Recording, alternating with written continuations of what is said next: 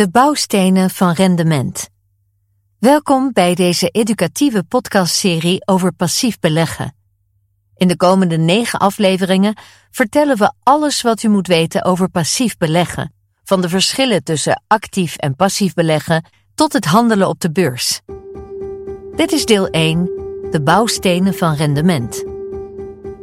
Some years ago I made a wager and I promised to report I would bet that over a 10-year period that the unmanaged index would beat these five funds that were all being managed by people who were charging incredible sums to people because of their supposed expertise. We have two managers at Berkshire that each manage $9 billion for us. They both ran hedge funds before. If they had a 2 and 20 arrangement with Berkshire, which is not uncommon in the hedge fund world, they would be getting $180 million each you know, merely for breathing. You know, they say in this world you can't get something for nothing. But the truth is, money managers in aggregate have gotten something for nothing. I mean, they've gotten a lot for nothing. Het is 2006 als Warren Buffett iets opvallends doet. Hij stelt dat hedgefondsen niet in staat zijn om structureel de grootste Amerikaanse beursindex, de SP 500, te verslaan. Om zijn woorden kracht bij te zetten, daagt Buffett hedgefondsmanagers publiekelijk uit voor een weddenschap met een looptijd van 10 jaar. Het hoogste rendement over de gehele looptijd wint een miljoen dollar. Slechts één hedgefundmanager neemt de handschoen op. Ted Scheides van Protégé Partners. Scheides maakt gebruik van een combinatie van hedge funds die in zijn woorden onder alle marktomstandigheden een superieur rendement zullen leveren. Buffett kiest voor een indexfonds dat de S&P 500 volgt. Het is een botsing tussen twee beleggingsfilosofieën. Actief versus passief, de markt volgen versus de markt verslaan. Op de jaarlijkse aandeelhoudersvergadering in 2015 van zijn investeringsvehikel Berkshire Hathaway bespreekt Warren Buffett de resultaten.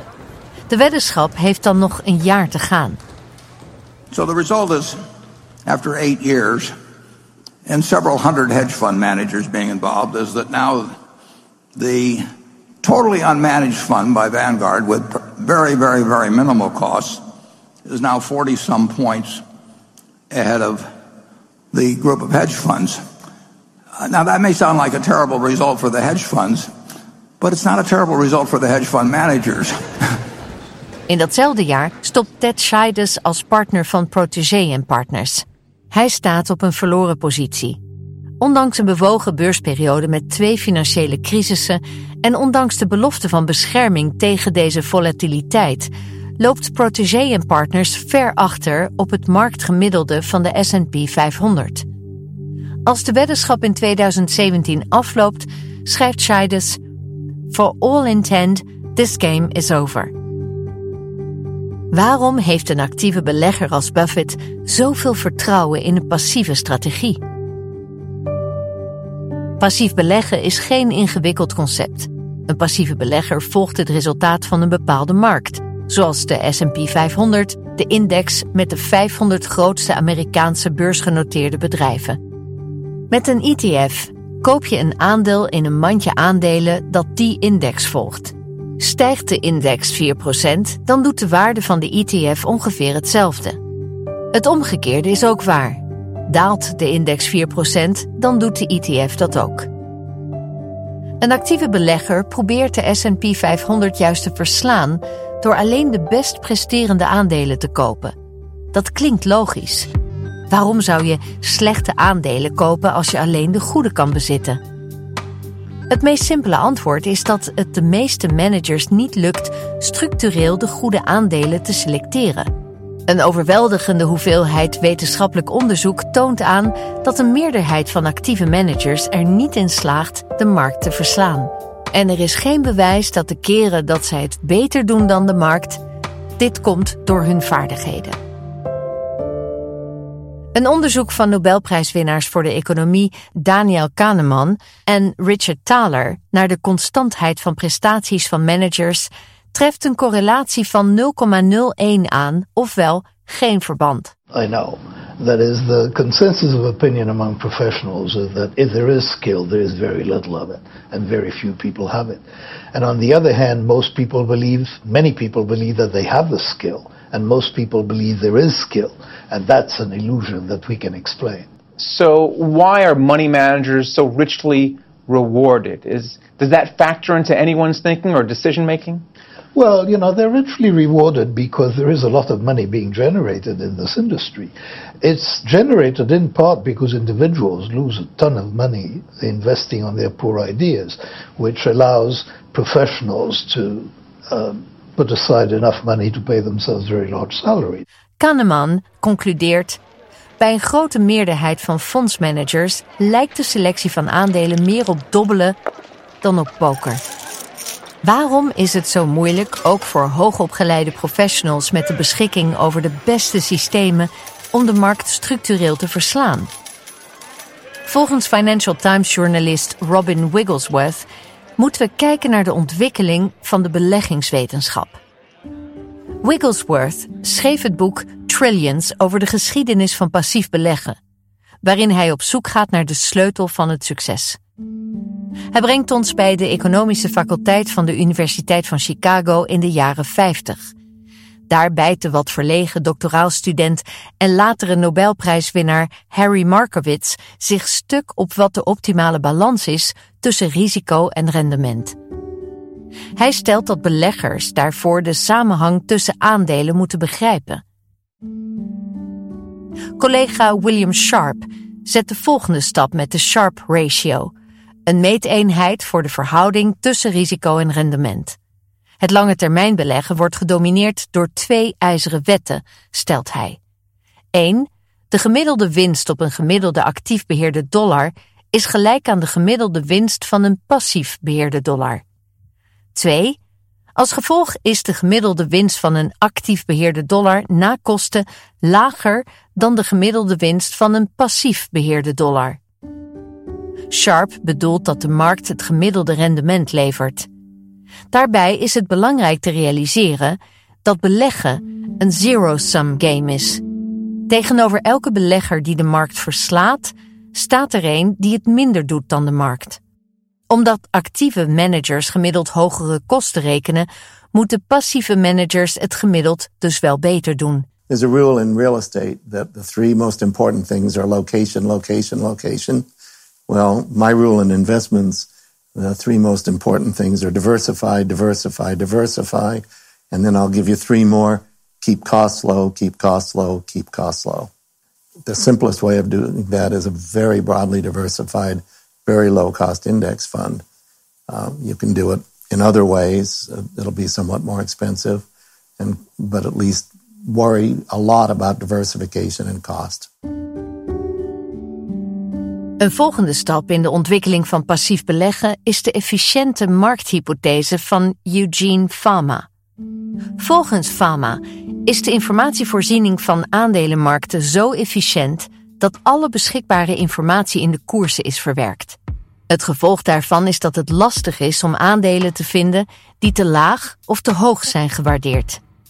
Hoewel de aanname dat alle informatie altijd in de koers van aandelen is verwerkt onderwerp van debat is, zijn de meeste wetenschappers het erover eens dat dit na een lange periode zo zal zijn.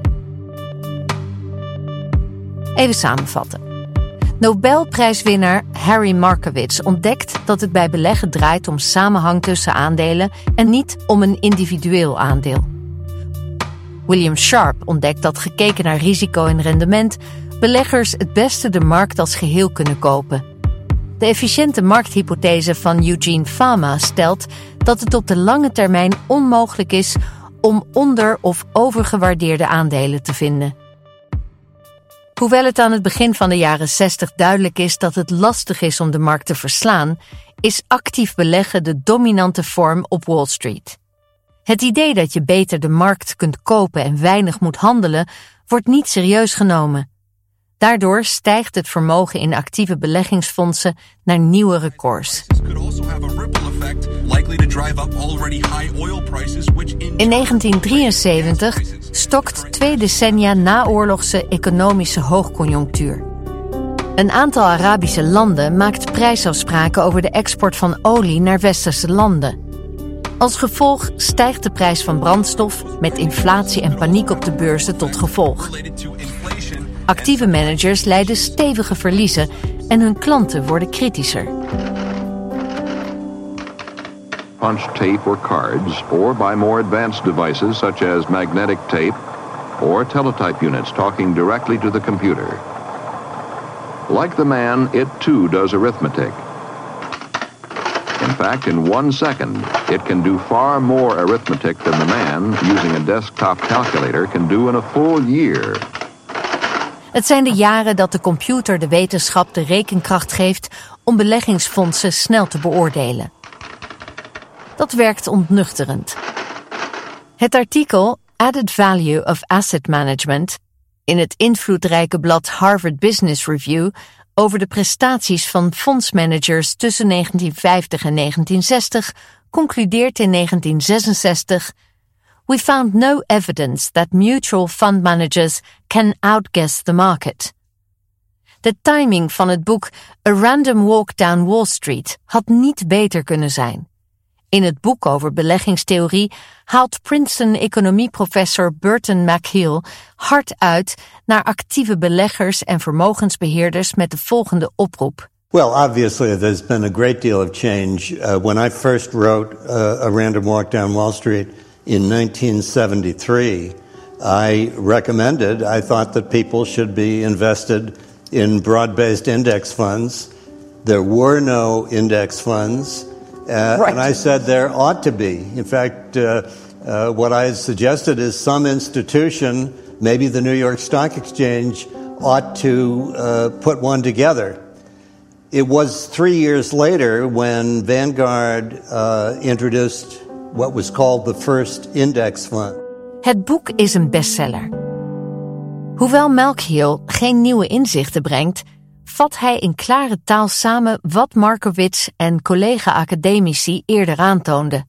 De timing van het boek in een periode van tumult op de aandelenmarkten en economische malaise maakt het grote publiek ontvankelijk voor de boodschap. Indexbeleggen wordt met name in de Verenigde Staten een succes. Het vermogen in passieve fondsen groeit van 3 miljard dollar in 1977 tot 91 miljard dollar in 1985. In 1976 geeft Vanguard particuliere beleggers de mogelijkheid om te beleggen in de S&P 500. Vandaag de dag is volgens PwC meer dan 10% van het mondiaal beheerde vermogen ondergebracht in passieve producten. You can count the number of articles that said, well, indexing worked okay last year, but this is going to be the year of the stock picker. And every year, it turns out that probably two thirds of the active managers are outperformed by the index, and the third that outperform in one year are not the same as the ones who do it the next year. And what Standard & Poor's did this year in their report, it's called the SPIVA, SPIVA. report, Standard & Poor's versus Active, uh, what they found, uh, they were able to do 15-year histories, and then it's not two-thirds, it's 90%. Right. So it's not that it's impossible to uh, outperform, but what I've often said, it's like looking for a needle in a haystack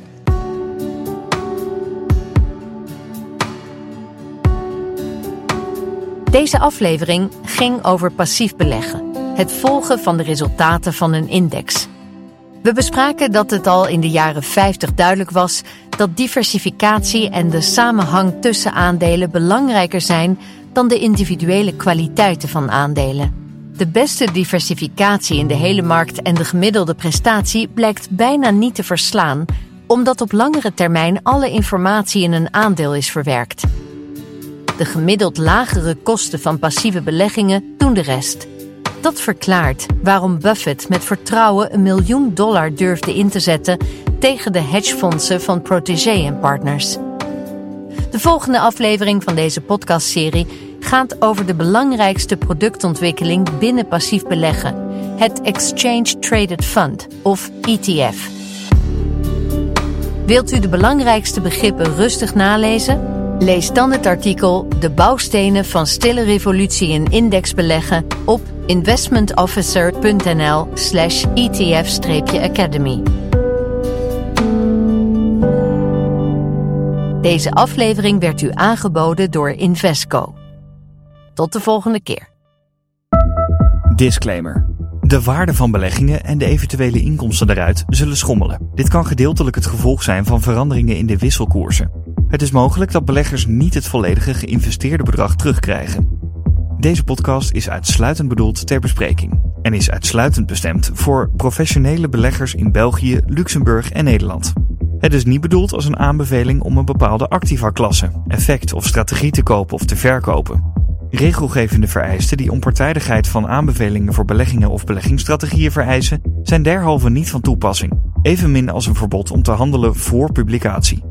Waar individuen of het bedrijf meningen hebben geuit, zijn deze gebaseerd op de huidige marktomstandigheden. Kunnen deze verschillen van die van andere beleggingsprofessionals en zijn deze onderhevig aan verandering zonder voorafgaande kennisgeving?